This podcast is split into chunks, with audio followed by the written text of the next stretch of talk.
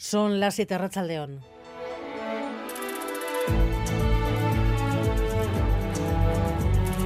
Gambara con Arancha García.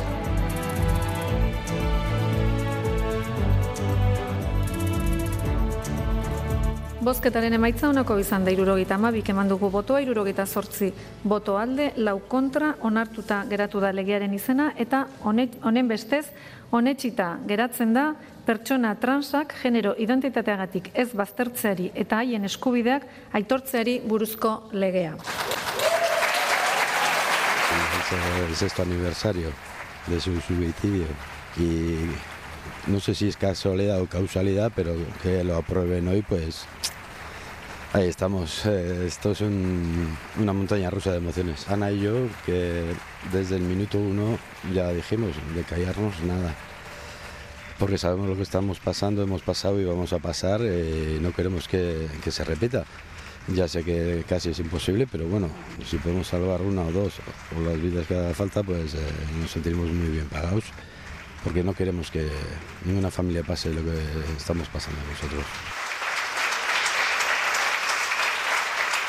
La emoción tras la reforma de la ley trans en el sexto aniversario del suicidio de Kyler Sunde a los 16 años, cuando esperaba tratamiento. La ley que garantiza una atención integral e igualdad de trato. La última de las tres leyes aprobadas hoy en un Parlamento en el que había cierto aire de despedida y no Iglesia.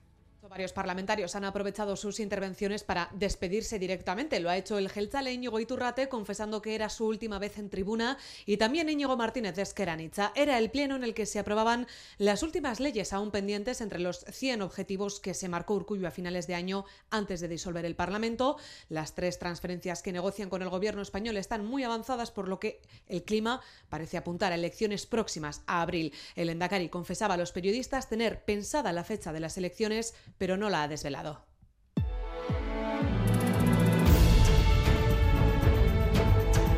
Ayer sabíamos de la detención en Galdacao de dos hombres por abusar al menos de seis menores. Los dos están en libertad con medidas cautelares tras pasar ante el juez. El ayuntamiento ha habilitado un número de teléfono para atender a todas las víctimas. Gary Suárez, Arrachaldeón. A León, el Ayuntamiento de Galdacao ha emitido hoy una declaración institucional en la que muestra su firme rechazo a las agresiones ocurridas aquí y también manifiesta su apoyo hacia las víctimas. Además, el consistorio ha activado un teléfono para que las víctimas y su entorno puedan recibir atención, algo que marcan como una prioridad. Mientras tanto, en Galdacao la gente está muy agitada por la noticia, no entienden cómo se han podido dar los abusos durante un año y tampoco entienden por qué los dos detenidos están en libertad. Recordar que uno de ellos fue detenido ayer y ya está libre con la condición de pasar periódicamente ante el juzgado. El otro fue detenido en noviembre y también quedó en libertad con una orden de alejamiento de las víctimas. Y en Bilbao se va concretando la forma del espacio que liberará el soterramiento de las vías del tren en Abando y la futura estación del tren de alta velocidad. La propuesta ganadora para el concurso de ideas, un gran parque corredor verde que ocupará el espacio de las vías. La oportunidad que se nos daba era introducir la naturaleza en el corazón de Bilbao. Si veis, toda la propuesta se basa en un gran corredor que es capaz de unificar a su paso y vertebrar diversos barrios que están separados, pero que va a ser un salón de encuentro. Y el Ayuntamiento de Donostia y el Gobierno vasco han dado, entre tanto, el primer paso para evitar inundaciones del río Urumea en el futuro barrio que se construirá en los terrenos de los cuarteles de Loyola.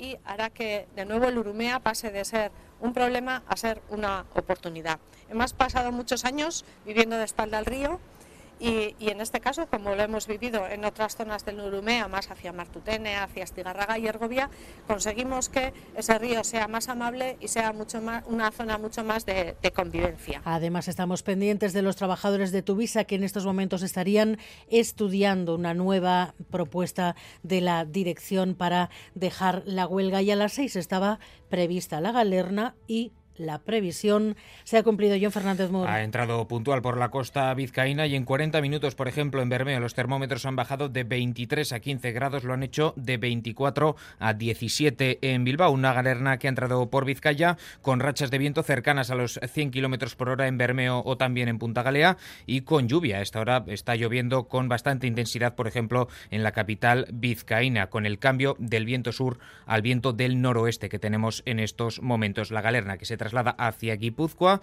Allí de momento la temperatura está bajando más despacio, pero se espera que lo pueda hacer bruscamente en los próximos minutos. Y en carreteras un, punto con problemas a esta hora, la entrada de Bilbao por los túneles de Malmasín, retenciones de unos dos kilómetros porque a la entrada del túnel un carril está cortado por un camión averiado. Y los deportes, Edu García, Rachaldeón. ¿Qué tal, Rachaldeón? Pues mira, la galerna la ha esquivado la Real en su regreso desde París porque ha arribado a la capital eh, Donostiarra eh, aproximadamente a las 3, 3 y media de, la tarde con eh, el ánimo bajo por la derrota que encajó ayer ante el Paris Saint-Germain, pero también con la esperanza de poder remontar dentro de tres semanas en el eh, Real Arena también con bueno, la sorpresa que supuso para todos lo que dijo Imanol al término del encuentro en torno a Mari Traoré, a quien dijo no podía salir del partido fingiendo una lesión o simulando una lesión para dejar al equipo con 10, si no era para acabar en el hospital. Apuntó directamente al jugador eh, africano como uno de los causantes de lo mal que defendió la Real la jugada del, 1-0. Por cierto, anuncia el diario El Equipe que Kylian Mbappé, autor del primer gol ayer, la estrella del Paris Saint-Germain, ya le ha dicho al club parisino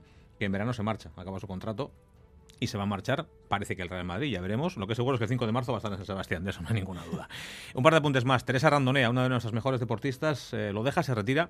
Problemas en el tendón de Aquiles han impedido que pueda continuar a sus 29 años, campeona de España de 60 y de 100 vallas, eh, hasta en ocho ocasiones, olímpica en Tokio 2021. Tenía el sueño de llegar a París este año a los Juegos, pero eh, hoy ha anunciado su retirada. Y tenemos en marcha la Copa de Baloncesto. Este año tenemos ni Basconia ni Bilbao Basket. Están jugando ya en Málaga, Real Madrid y UCA Murcia. Gana el conjunto blanco 49-37. Luego el segundo partido de cuartos a partir de las 9, el que van a jugar el Gran Canaria y el Valencia Basket.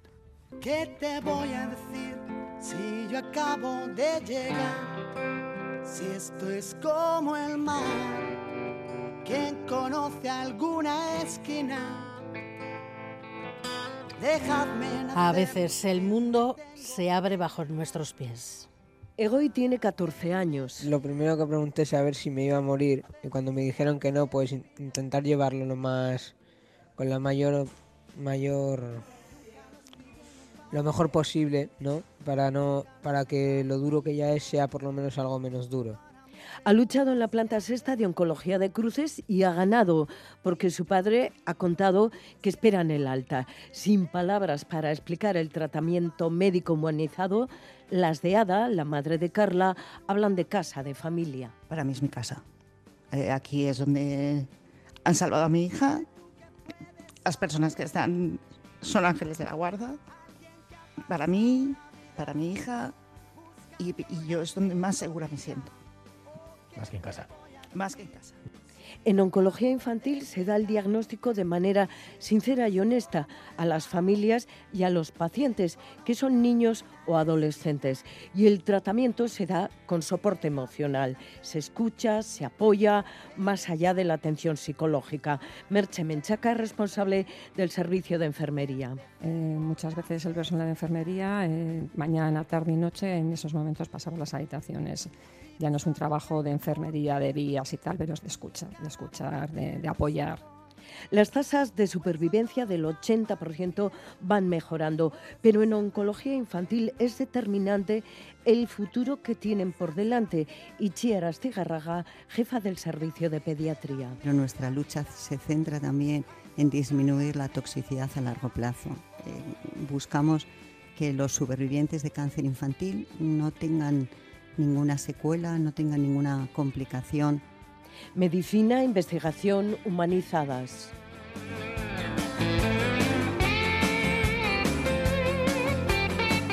La vida en la planta sexta del Hospital de Cruces, Natalia Serrano con el resumen de un programa muy especial hoy de nuestros compañeros de Boulevard. Miguel Ortiz y Alberto Sobeldía están en la dirección técnica, Cristina Vázquez en la producción.